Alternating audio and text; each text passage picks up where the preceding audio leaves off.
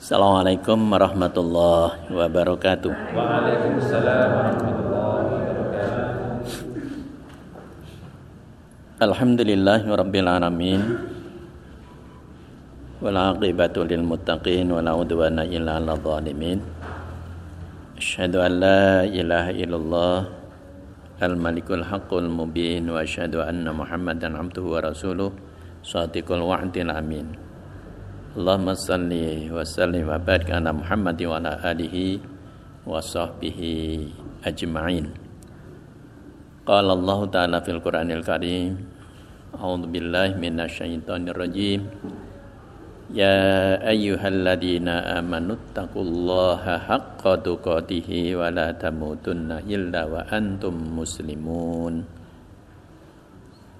Sadaqallahu nalim Bapak Ibu yang saya hormati, kita tentu bersyukur pada Allah Subhanahu wa taala yang mestinya Bapak Ibu istirahat di rumah setelah kegiatan di siang hari tadi menghabiskan tenaga, barangkali pikiran juga. Namun malam hari ini masih diberi kekuatan untuk bersama-sama taklim dan sekaligus silaturahim. Dan topik malam hari ini kita lanjutkan pelajaran kita, taklim kita tentang pedoman hidup Islami warga Muhammadiyah. Pada bahasan yang lalu kita telah bicarakan tentang dinul Islam bahwa Islam itu adalah agama seluruh para nabi dan para rasul. Jadi dari Nabi Adam alaihissalam sampai kepada Nabi Muhammad sallallahu alaihi wasallam agamanya tidak pernah berubah. Karena Tuhannya juga tidak pernah berubah. Alangkah mustahilnya jika Tuhannya satu, agamanya berubah-ubah. Kan mustahil sekali. Karena Tuhan hanya Allah. Yang esa, maka din agama yang disyariatkan kepada para nabi dan para rasulnya pun tidak pernah mengalami perubahan. Tidak usah saya ulang, itu pelajaran yang lalu, yakni Islam. Maka Allah mempertegas di dalam surah yang ke-19 surah Al Imran ayat 19 Innad din indallahil Islam Sesungguhnya din agama yang dibenarkan di sisi Allah hanyalah Islam. Wa mab wa may yabtaghi ghairal islami dina fala yuqbala minhu wa huwa fil akhirati minal khasirin. Siapa yang mengambil din selain Islam maka dia akan termasuk orang-orang yang merugi kelak di hari akhir. Mari kita pelajari bersama Islam ini Allah jadikan sebagai agama yang memberikan rahmat. Agama terakhir yang penuh dengan rahmat. Di dalam surah Al-Anbiya dijelaskan wa ma arsalnaka illa rahmatan lil alamin. Tidaklah aku jadikan atau tidaklah aku utus engkau wahai Muhammad melainkan agar menjadi rahmat bagi seluruh alam.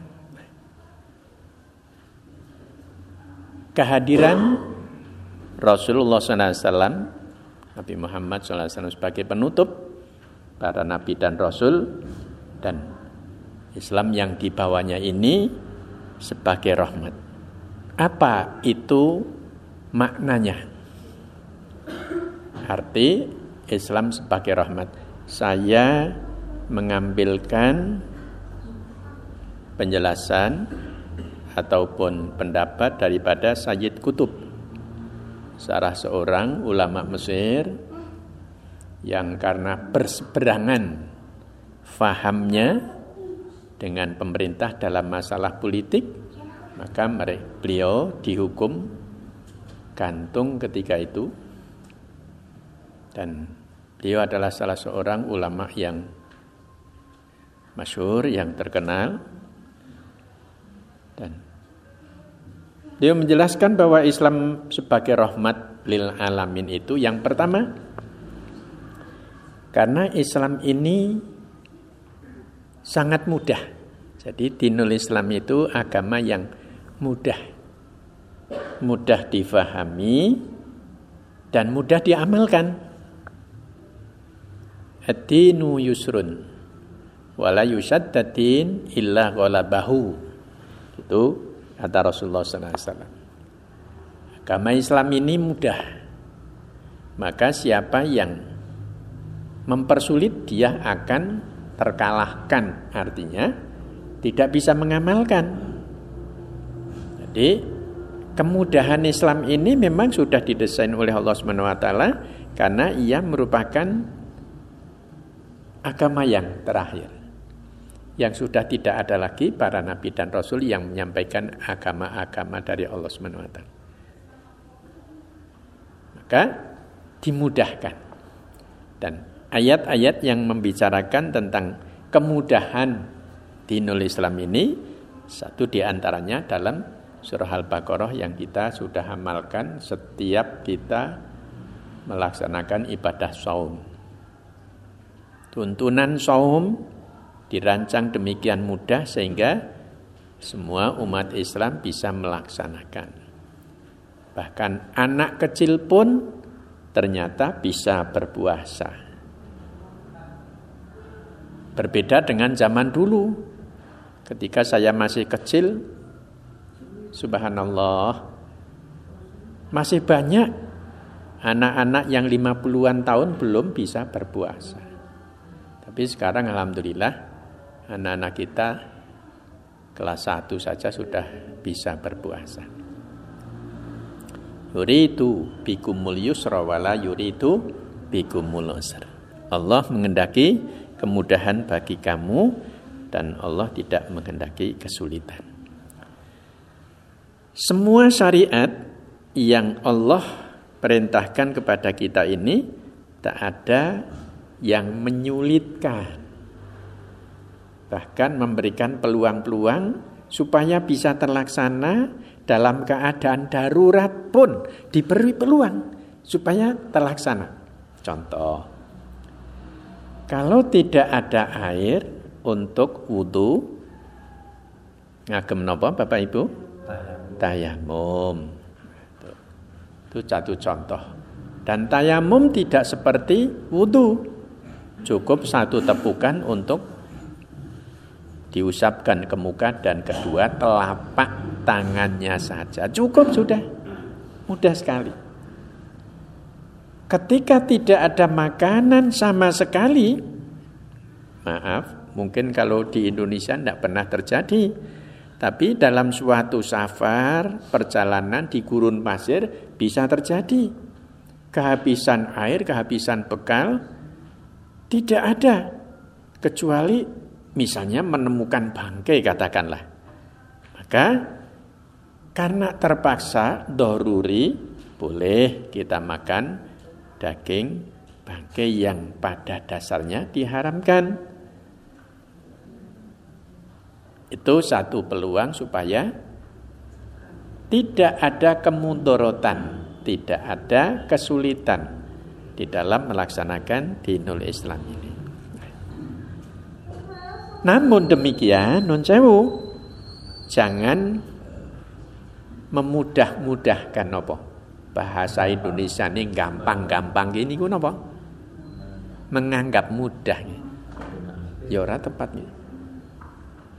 Nggih pokoke nyepelekke. Jangan nyepelekke syariat Islam ini yang memang sudah dimudahkan. Karena kalau dengan tingkat yang seperti itu maka apa yang kita lakukan bisa menjadi malah tidak sah secara hukum. Ini yang pertama. Yang kedua, Bapak Ibu yang saya hormati, Islam ini syariatnya sangat bersesuaian dengan fitrah.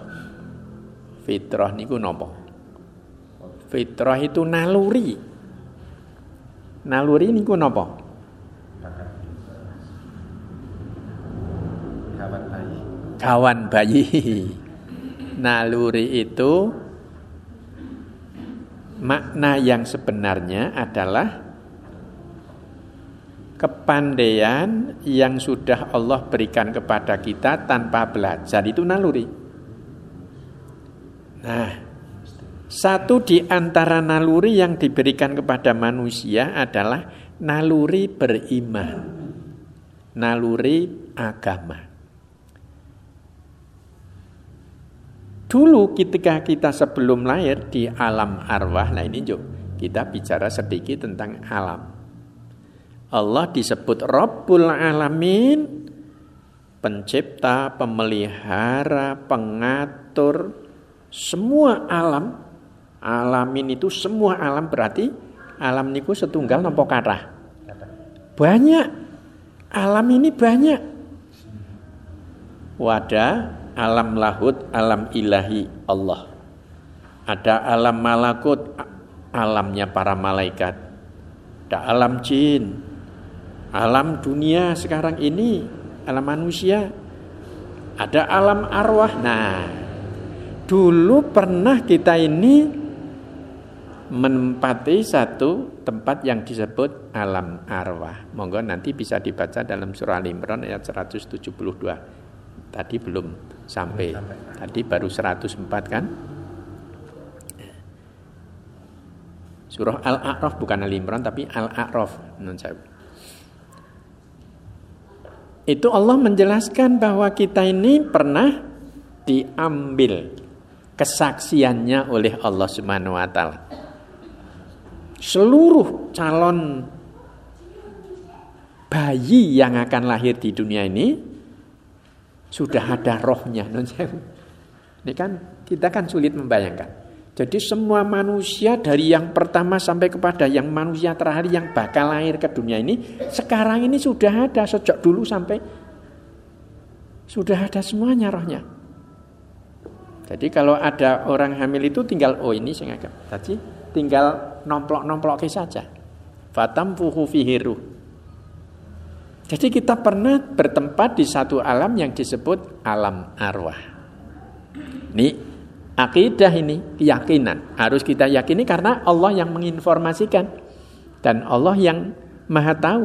Allah yang mencipta kita semuanya. Alastu birobikum Qalu bala syahidana Ketika kita ditanya Diangkat kesaksiannya oleh Allah Benarkah aku ini Tuhan kalian semuanya? Semua calon bayi yang bakal lahir yang masih dalam berbentuk roh itu kita semuanya sudah mengangkat kesaksian. Benar, engkaulah Tuhan sesembahanku. Kelingan boten Bapak Ibu? Rakalingan. Itu dulu. Berarti setiap bayi yang lahir ini sudah membawa naluri agama. Naluri iman karena dulu pernah naik saksi, pernah mengangkat kesaksian, pernah berkata sendiri benar engkau ini adalah Tuhanku.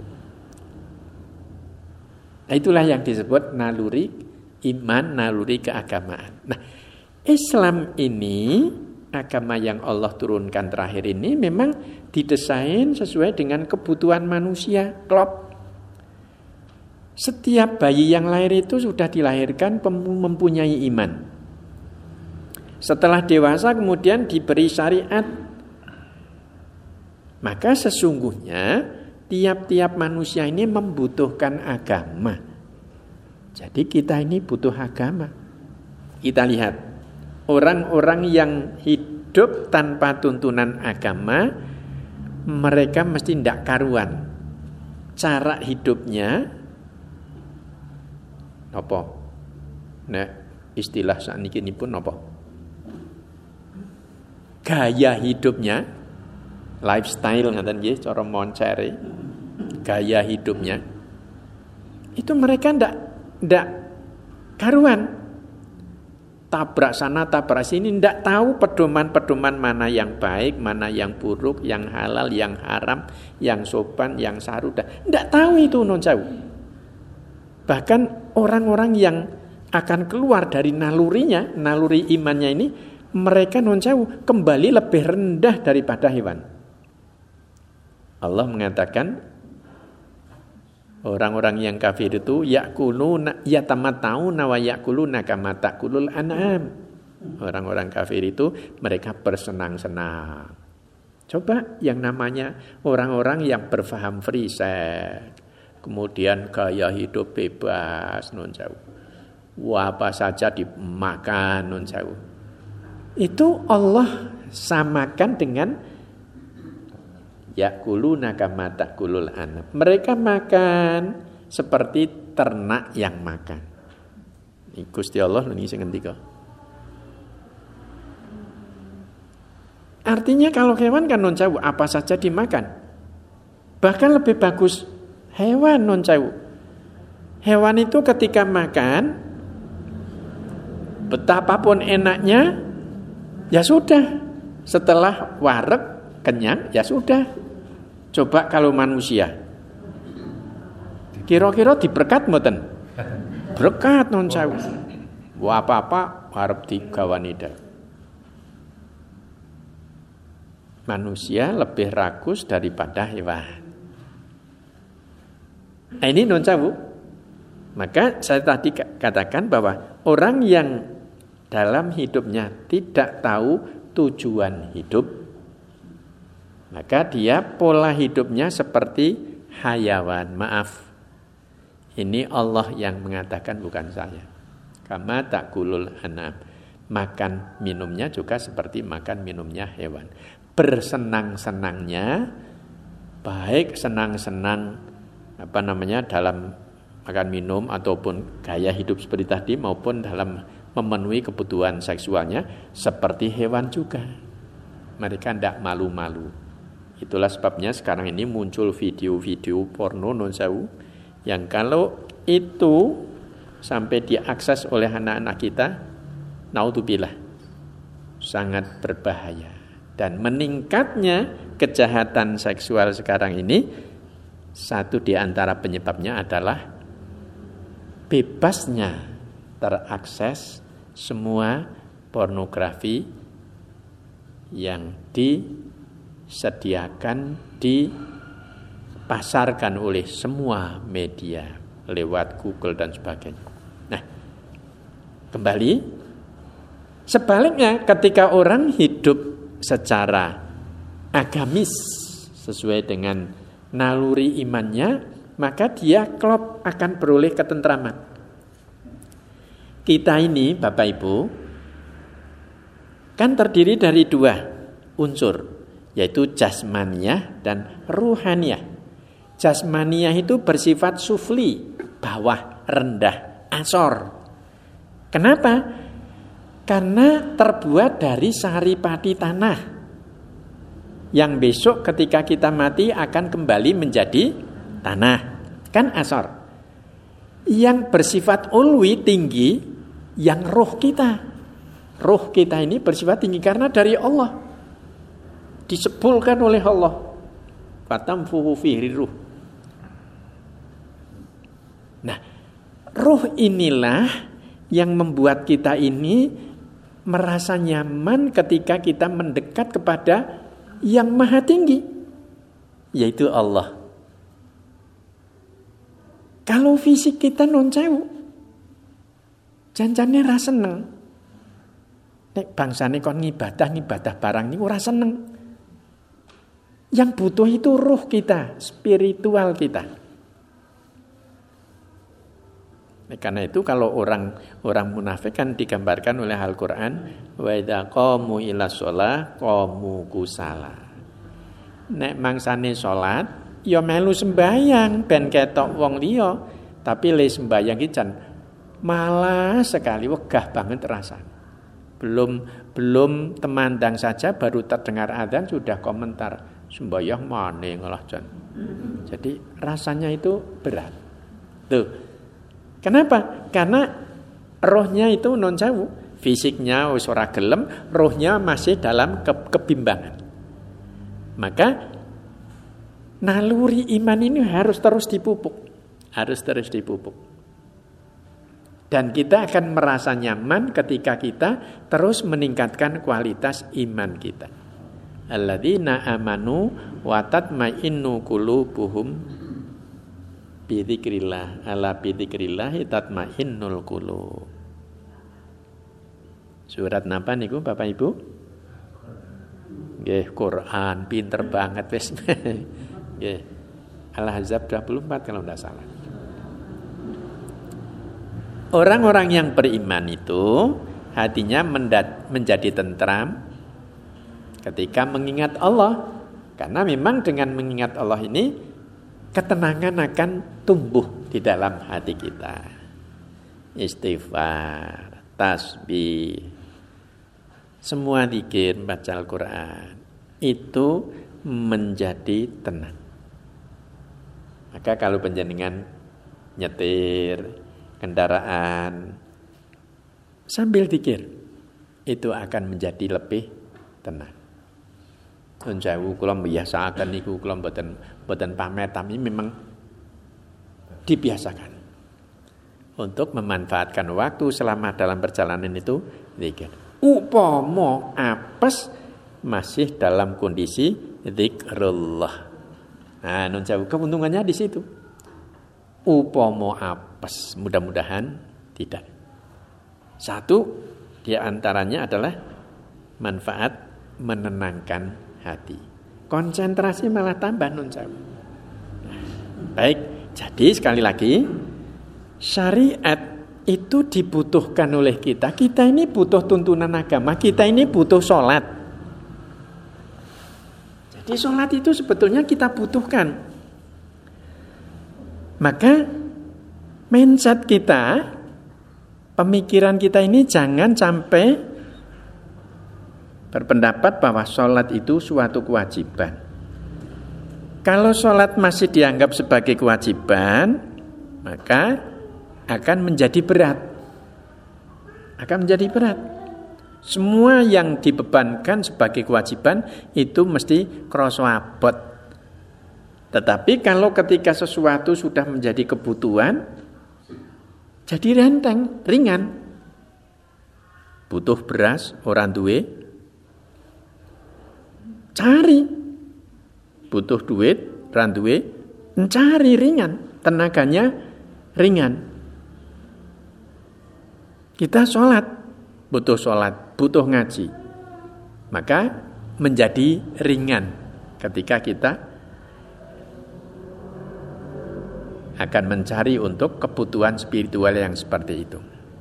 Jadi semua ibadah yang Allah syariatkan itu sesungguhnya dibutuhkan oleh kita ini baik secara fisik maupun secara rohani spiritual. Entah itu sholatnya, saum puasanya, apalagi kemarin baru saja saudara-saudara kita kundur dari haji ke tanah suci selama 40 hari. Mereka merasakan satu pengalaman spiritual yang luar biasa yang tidak pernah dirasakan selama ibadah di sini. Sulit kan di sini berdoa sampai nangis kan sulit. Kejaba nek malam bodoh, urung duwe apa-apa. Nah itu biasanya bisa karo nangis. Ya Allah ya Rabbi ngenjang bodoh dereng gadah nopo-nopo membleh-membleh. Tapi ketika di luar itu sulit sekali kita untuk untuk apa namanya konsentrasi. Nah kan kita biasanya Jangankan berdoa, sholat saja kan nun sewu. Sangat sulit untuk konsentrasi. Mboten? Nah, Bapak Ibu, sedikit saya singgung ini karena ini penting dan saya terus sedang berlatih ini nun sewu. Surah Fatihah yang kita baca setiap sholat itu Iyaka na'budu wa iyaka nasta'in Kepadamu ya Allah kami menyembah dan kepadamu ya Allah kami minta pertolongan. Kenapa kok wong saya kok pakai kata kami? Nek kami rak wong nggih mboten? Kami itu pengertiannya orang banyak. Al-Qur'an kok mengatakan kami tidak Iyaka a'budu kepada engkau ya Allah aku. Kalau aku ya a'budu. Nastangin yang menjadi astainu. Aku mohon pertolongan. Tapi kok kami menyembah dan kami mohon pertolongan.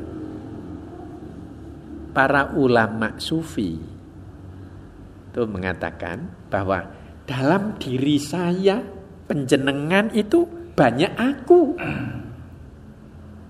Terkumpul beberapa aku menjadi kami. Coba kita hitung. Aku jisim jasad. Satu, jasad ini kan aku. Aku secara fisik. Yang kedua, aku secara ruh, jiwa. Yang ketiga, aku secara akal. Akalku. Yang keempat, perasaanku.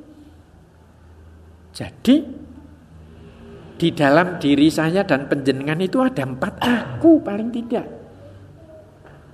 Yang keempat-empatnya ini harus menjadi satu yaitu kami nak butuh sehingga hatinya yang nah kol ya, lima malah dong ya, kurang satu ini lima sehingga kelima-limanya ini harus menyembah kepada Allah atine yo nyembah Gusti Allah fisiknya yo kayak gue sholat akalnya yo nyembah Gusti Allah, perasaannya yo nyembah Gusti Allah, jiwanya yang menyembah Gusti Allah. Maka kalau kita bisa konsentrasi ketika sholat pada tiga titik, insya Allah sholat kita akan menjadi lebih khusyuk. Di titik mana sholat yang perlu kita konsentrasikan? supaya sholat kita menjadi lebih khusyuk. Pertama ketika takbir. Setiap takbir monggo dikhusyukkan. Yang kedua ketika iya karena butuh wa iya nasta'in. Yang titik ketiga adalah asyhadu alla ilaha illallah wa asyhadu anna muhammad rasul. Coba rasakan pada tiga titik itu saja ketika kita sholat. Dan saya kula nyuwun pirsa. Nalika panjenengan salat menika cok lali mboten? Napa terus lali? Kerep lali nih to nggih? Apa yang dibaca itu mengalir begitu saja sehingga tidak merasakan tekan gon iya karena butuh apa ora ki ora kalingan. Mboten ngrasake ngoten lho. Karena sudah wis waca Fatihah waca, surat-suratan waca. Tapi tidak merasakan. Bacaannya tidak kita nikmati. Hanya kita baca tok. Monggo kita berlatih coba. Sekali lagi pada tiga titik ini saja monggo setiap penjenengan sholat kecandak boten setiap sholat kalau penjenengan sholat maghrib tiga rekangat takbirnya iya karena butuh iya karena dan syahadatnya tiga rekangan itu kelingan semuanya jenengan sudah bagus. Tolong itu dibuktikan. Mau saya sudah membuktikan ternyata angel. Mboten gampang. Pada tiga titik ini saja. Jadi ketika sholat ini kita sedang mendekat kepada Allah maka berlatihnya pada tiga titik itu. Insya Allah akan akan menjadi lebih bagus.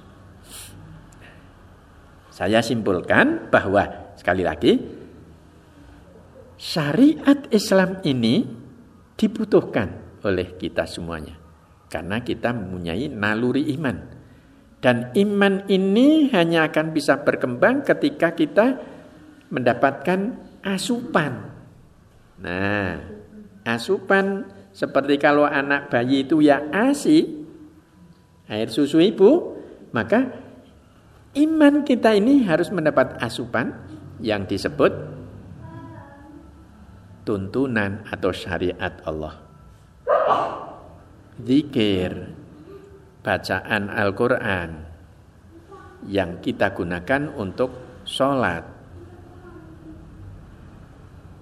melaksanakan saum dan ibadah-ibadah yang lain yang itu tidak terlepas dari zikrullah itu tadi. Nah, klop berarti antara kebutuhan kita dengan syariat yang Allah berikan kepada kita pun klop. Nah, itu yang kedua. Yang ketiga, Bapak Ibu, Islam disebut rahmatan lil alamin itu karena agama Islam itu memberikan peluang untuk perubahan ke arah yang lebih baik.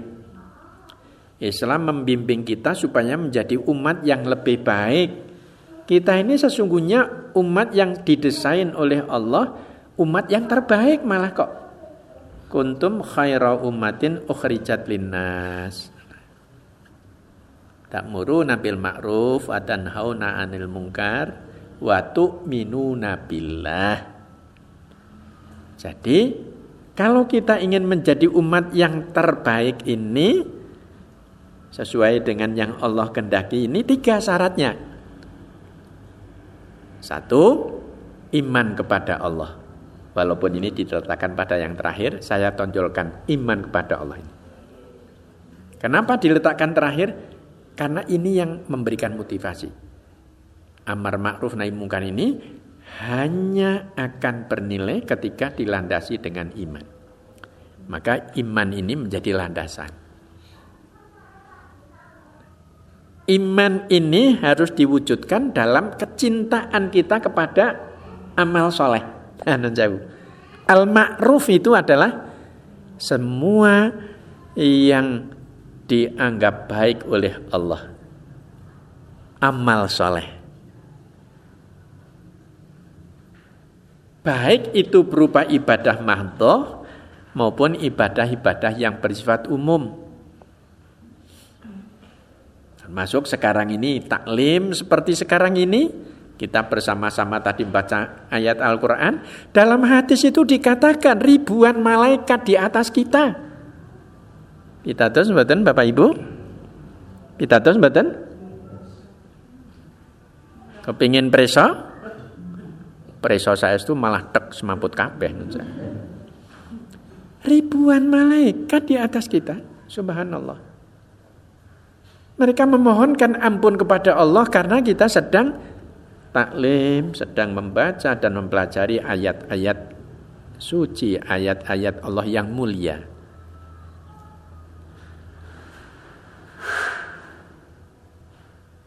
Dengan Al-Quran itu membimbing kita untuk gemar beramal soleh. Al-ma'ruf. Semua kebaikan. Standar Allah non jauh. Kebaikan tapi standarnya ajaran Allah bukan akal manusia.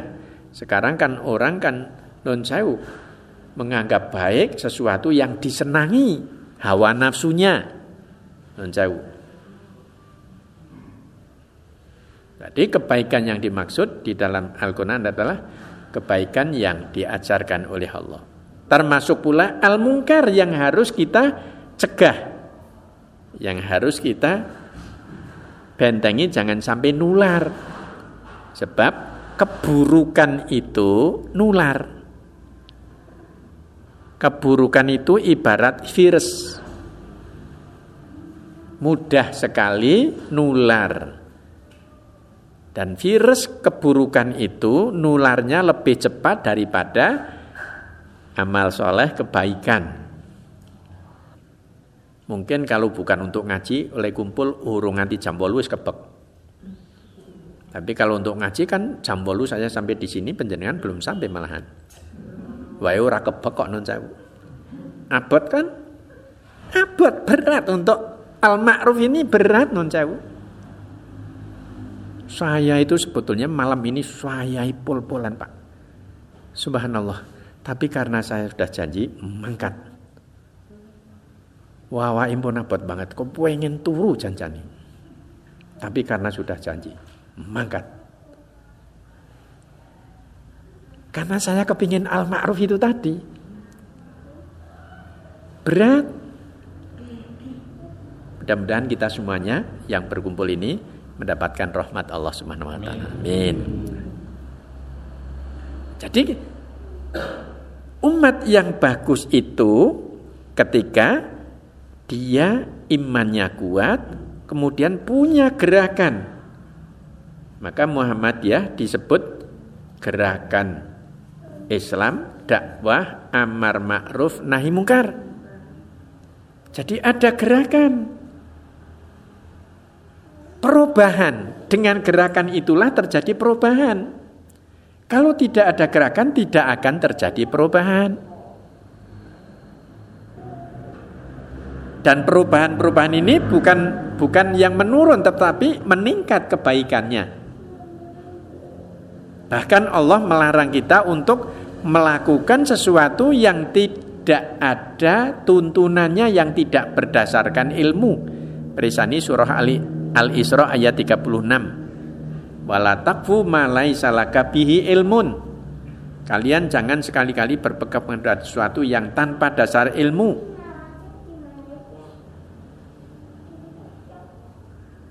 Jadi kita ini warga Muhammadiyah harus punya budaya ilmiah.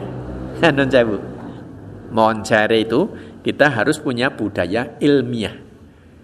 Melakukan sesuatu harus ada dasarnya. Tentu adalah Al-Quran dan As-Sunnah.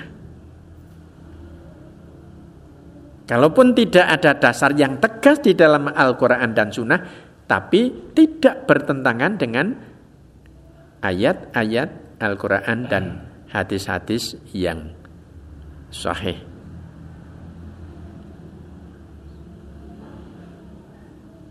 Kan tidak semuanya diatur di dalam Al-Quran Nun sewu seperti lalu lintas tidak ada ayat lalu lintas buat nonton nun sewu. Nah, itu yang mengatur manusia.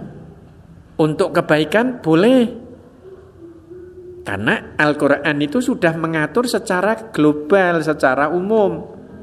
Wa ahsin kama ahsanallahu ilaik wala tabghil fasada fil ard. Kamu berbuat baiklah di bumi ini. Sebagaimana Allah telah banyak berbuat kebaikan pada kalian. Kita diperintah untuk melakukan yang baik. Nah, arus lalu lintas supaya tertib, teratur, maka kemudian diaturlah Kalau Indonesia, ya sebelah kiri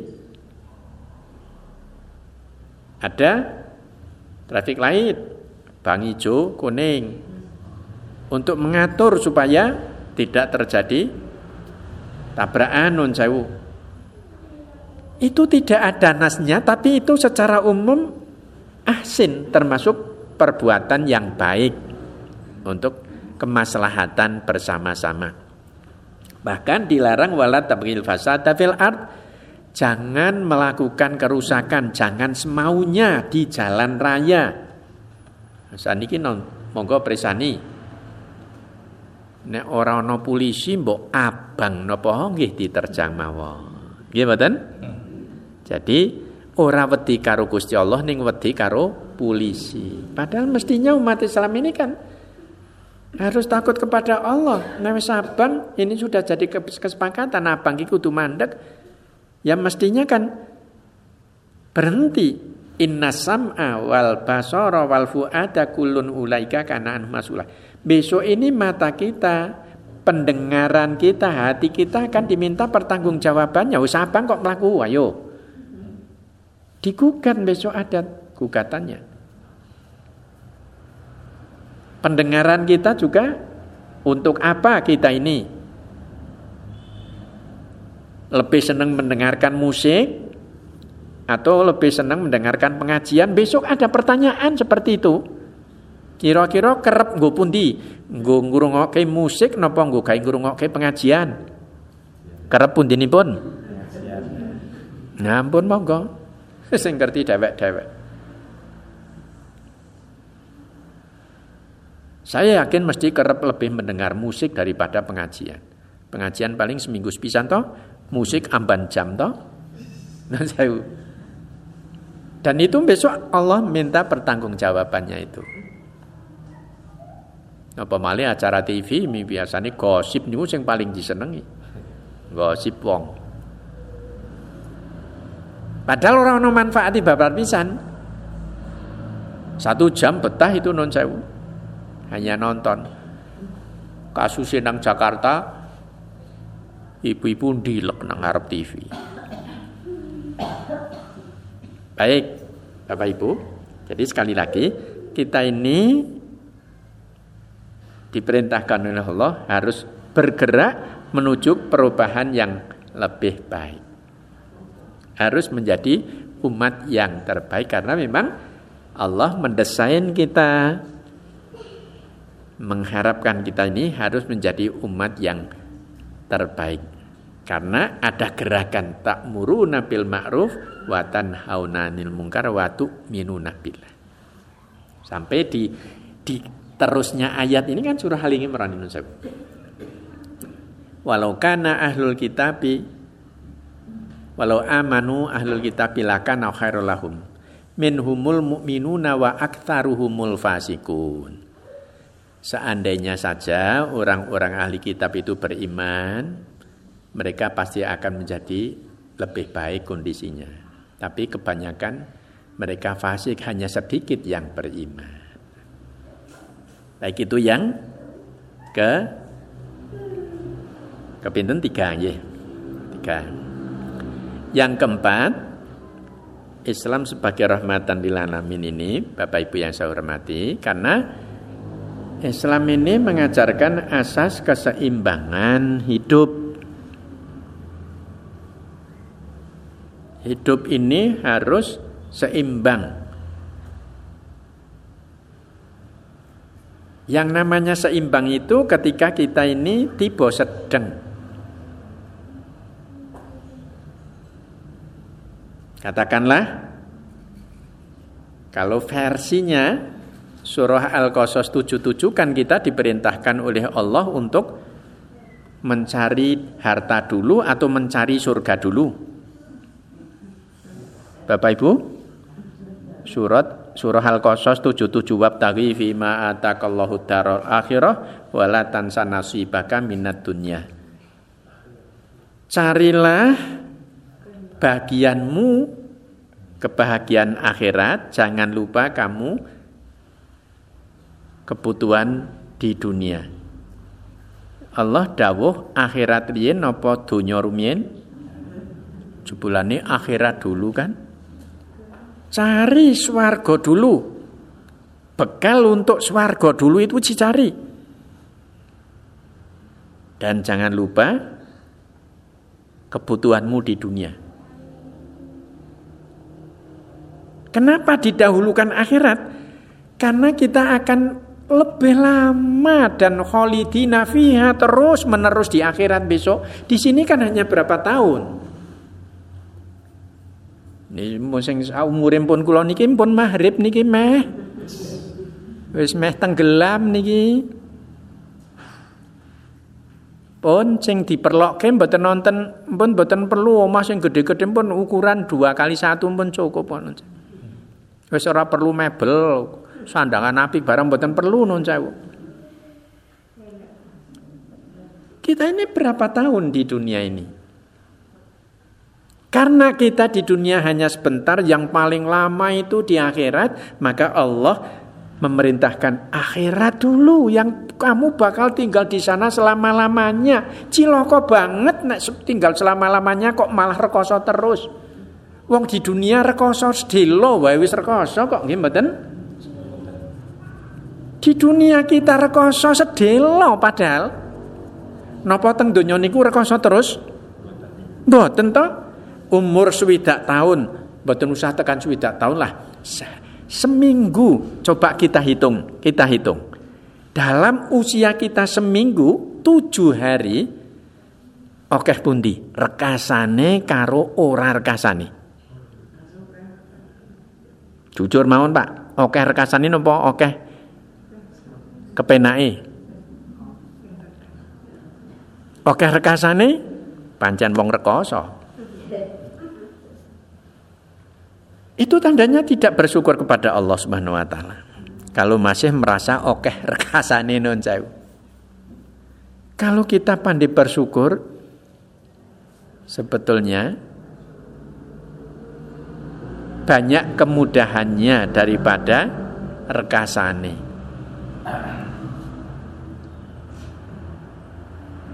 Karena setiap ada kesulitan, setiap ada satu kesulitan Allah memberikan banyak kemudahan nonton kok.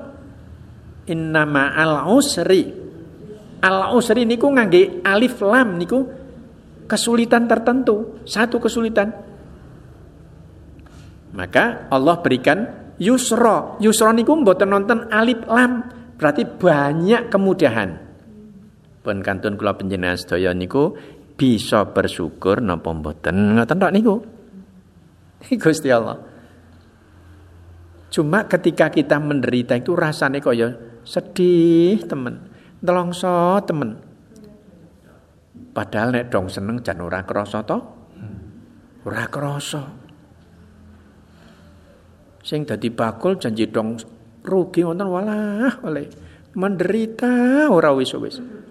Nek dong badi terus jan ora krasa, ora tau domongke. Wonten bakul ngomongke itu oleh badi mboten nonton. mboten nonton. Pabrik-pabrik pernahkah mengumumkan keuntungannya? Mboten nonton. Padahal banyak keuntungannya. Nun sewu. Niki introspeksi mon kangge kula panjenengan sedaya jane Gusti Allah maringi kathah kenikmatan tinimbang kalih kesusahanipun. Ning sebab penderitaan niku pancen jan lara nggih dirasake tenanan. Kenikmatan sing ora krasa nggih ora dirasake nun itu harus kita sadari. Oleh karena itu, Bapak Ibu, kula penyenasihat diingatkan akhirat lebih lebih penting daripada dunia yang hanya untuk sementara. Bahkan apa yang sudah kita cari di dunia pun harus kita siapkan untuk akhirat. Dan Gusti Allah maringi bondo, sebagian harta kita ini harus mengantarkan kita kepada kebahagiaan akhirat, darul akhirah.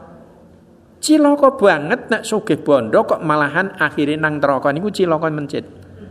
Tiwas nang ngakhirat orang merasakan kenikmatannya. Selama di dunia wong sing sugih banget niku nopo nate pul-pulan kepen akhirat mboten to padha mawon to. Paling-paling ya rong piring sing mlebu weteng. Kasure empuk ya padha wong liya to. Le bubuk nggih mungkin malahan saya tidak seberapa yang dinikmati di dunia. Lah nek ini ku malah dadi bakar awake dewek tengah akhirat niku cilakane pun pol-polan pun Maka sekali lagi monggo Bapak Ibu keseimbangan. Nek kula panjenengan sedaya golek bondo niku ngotot. Ngotot nggih istilah nggih. Wani wit esuk tekan sore penjenengan tidak jam bolu kundur jam papat pinten jam cobi? Songo sepuluh sebelas rolas iji loro telu papat. Wolong jam. Betah. Betah ngibadah wolong jam non stop badan betah apa Bapak Ibu nggih? Wiridan betah. Allah mboten usah wolong jam wolong menit mawon wiridan wiridan wolung menit niku pun embut-embut ndang kepengin rampung le maca tasbih mon ora ora tatas ora cetha mboten subhanallah subhanallah. Niki banallah banallah banallah. Ngiduk mawon. Saking saking kepingine ndang rampung. Iku nek kula tapi non Monggo. Ini kenyataan. Padahal Allah dawuh supaya kita ini harus punya keseimbangan. Ojo nemen-nemen antara ketimpangan dunia dengan akhirat. Selama ini kan kita masih timpang, masih sangat timpang. Sing dunya wani ngotot, sing akhirat jan sepele wae kok. Sembayang yang ngitar mawon kok nun Patang rekangan niku jan rong menit rampung kok. Tuh, supaya apa?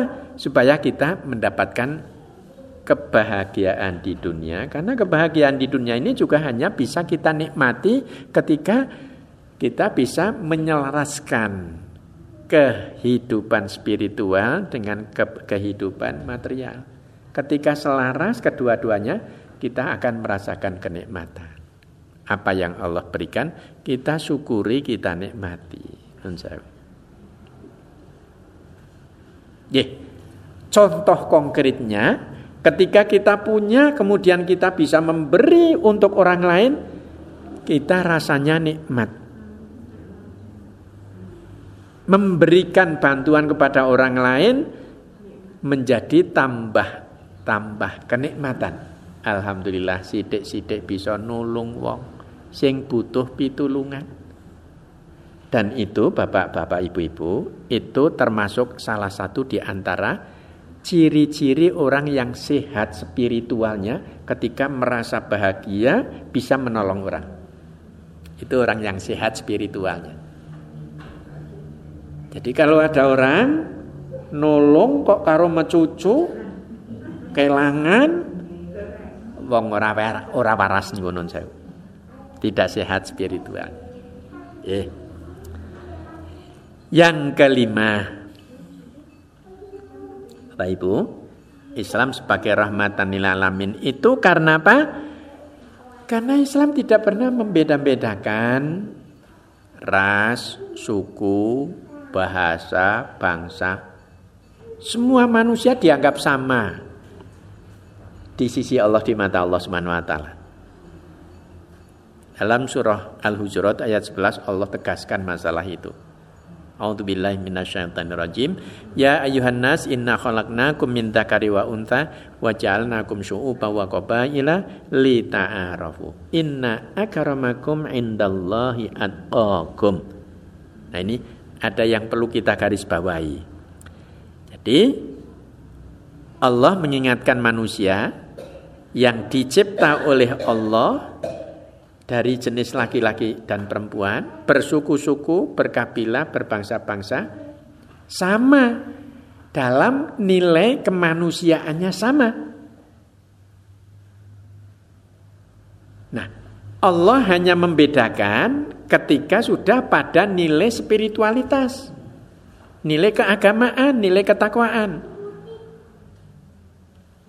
Ketika manusia, entah bangsanya, entah sukunya, memeluk, mengikuti syariat Allah, nah dia dimuliakan.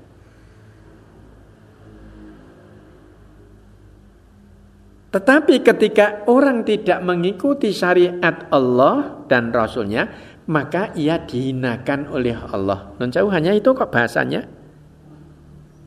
Oleh karena itu Allah mengelompokkan ada orang yang kafir, ada orang yang mukmin. Yang ketiga di tengah-tengah orang yang kujak-gajek la haula'i wala haula Rono yora, rene yora. Siapa itu? Al munafikun. Orang-orang munafik. Ketika Allah berbicara tentang orang kafir, cukup dua ayat. Innalladzina kafaru sawa'un alaihim andartahum am lam tundirhum la yu'minun.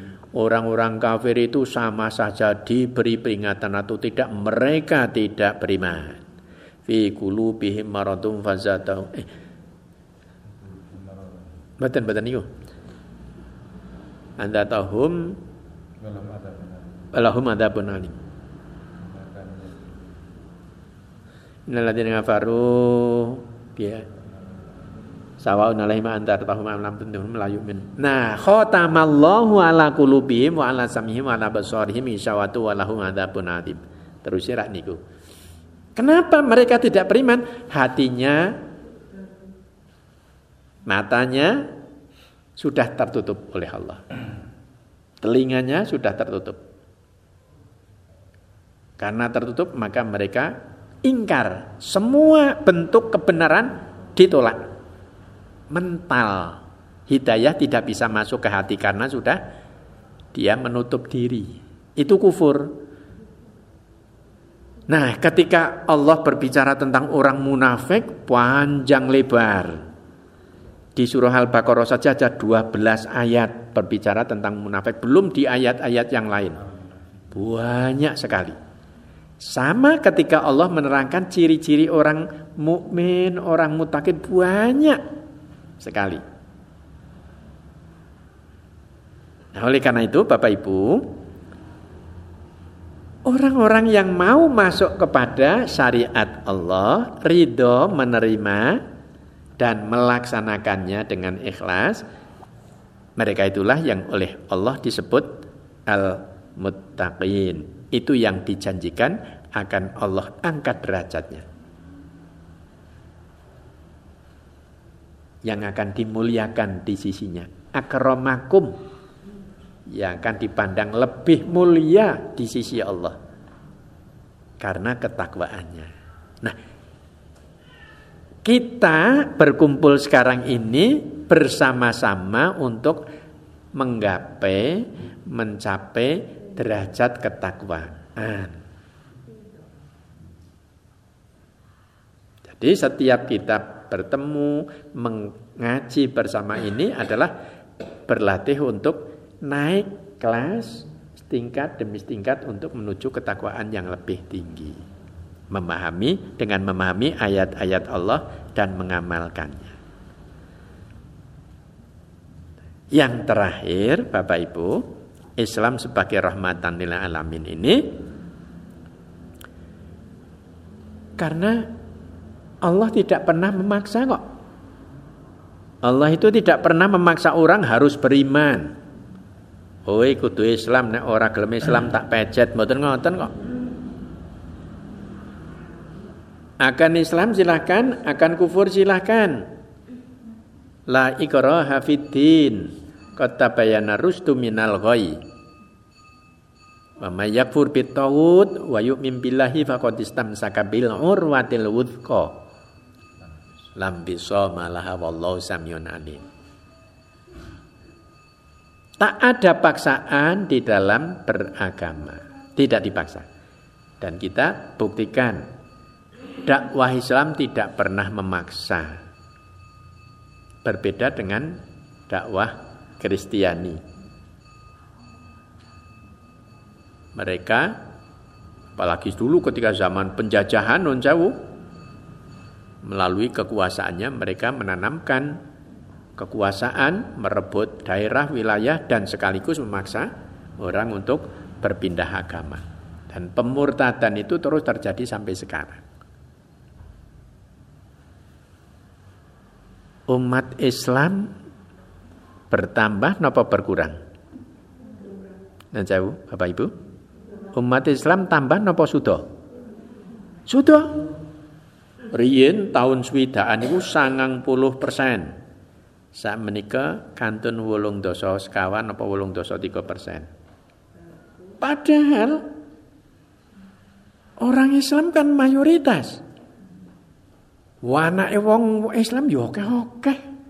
Lah kok iso sudah? Berarti di sini ada pemurtadan-pemurtadan yang sistematis terus. Kenapa? Memang mereka itu tidak akan rela kepada umat Islam ini sebelum mereka mengikuti sebelum umat Islam ini murtad. Walantar do angkal Yahudu walan nasoro hatta tatabya millatahu. Mereka itu tidak rela sampai kita ini murtad masuk ke agama mereka. Yutang surah Al-Baqarah 100 kali likur. Jadi ini perlu kita pahami kebaikan Islam dalam ngomong bergaul disalahgunakan non Yang ngenes sekali sekarang ini kita ini non Sebagian umat Islam malah rangkul-rangkulan dengan mereka. Padahal ayat-ayat Al-Quran yang membicarakan tentang kejahatan mereka banyak sekali. Non sewu nggak kok. Pada waktu pengajian narkom, wonten ingkang derek mboten kula wingi.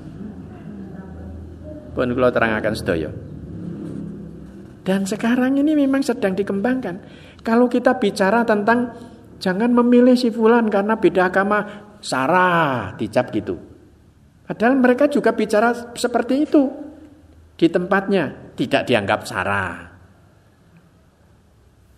Lu mayoritas kok kalah karo minoritas? Di Indonesia ini non. Lihat sejarah membuktikan. Ketika Islam sudah kalah di Spanyol, umat Islam diberi pilihan. Keluar dari Spanyol atau murtad masuk ke agama Kristen Katolik atau mati. Hanya diberi pilihan itu. Dan ada yang sampai kematiannya. Karena mereka tidak mau keluar dari Spanyol dan tidak mau memeluk berpindah agama Kristen Katolik. Bosnia, berapa puluh ribu umat Islam dibantai oleh mereka.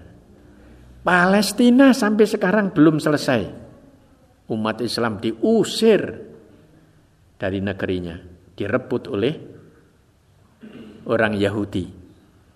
Jadi orang Yahudi dan Nasrani itu ba'duhum aulia ubat. Dalam menghadapi Islam mereka bersatu padu. Siapa yang menolong Yahudi? Inggris, Amerika. Orang Nasrani kan? Mereka tolong memasuki wilayah Palestina mulai tahun 40 58 mulai tahun 58 sampai sekarang semuanya akan direbut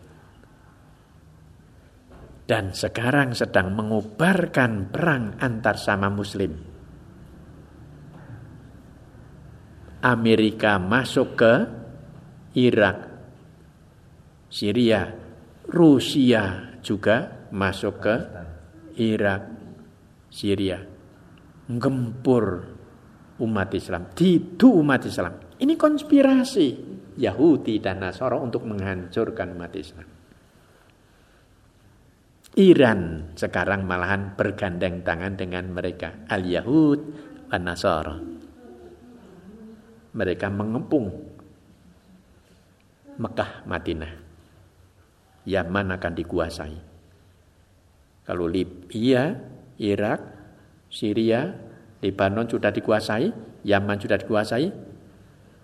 Allah alam apa yang akan terjadi? Mungkin kiamat, mungkin Allah alam saya tidak tahu tanda-tanda kiamat ketika Ka'bah sudah dikuasai oleh bukan muslim. Bapak Ibu.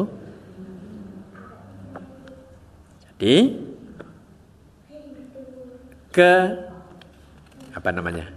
Bukan kebebasan tetapi ketidak kelonggaran Allah katakanlah untuk tidak memaksa itu supaya apa? Karena memang sudah setiap bayi yang lahir kan sudah sudah ikrar sendiri. Sudah mengaku iman kepada Allah. Kok barang lahir nang dunia kok jur bangkang kepada Allah ya silahkan. Nanti tahu balasannya dari Allah. Karena Allah tidak memaksa. Pilihanmu.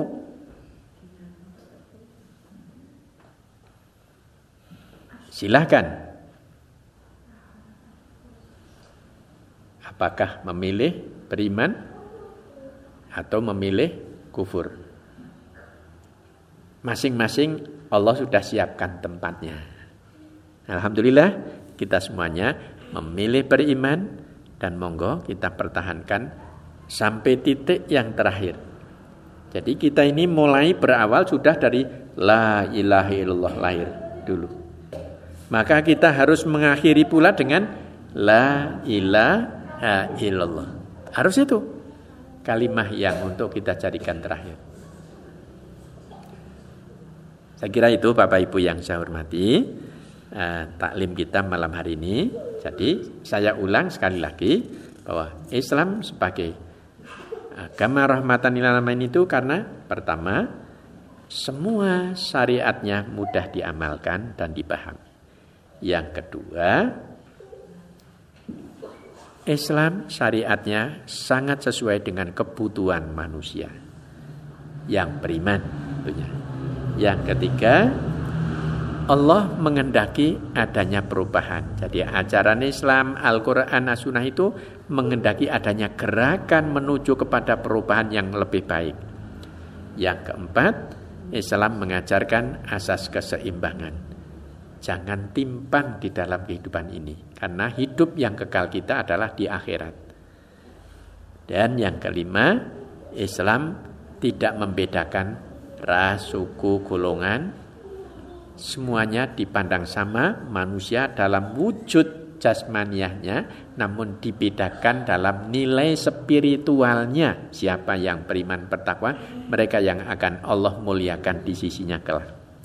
Yang terakhir Islam tidak pernah memaksa kita untuk beriman. Pilihan. Dari pilihan itulah kita akan memperoleh balasan sesuai dengan pilihan masing-masing. Nah, Assalamualaikum warahmatullahi wabarakatuh.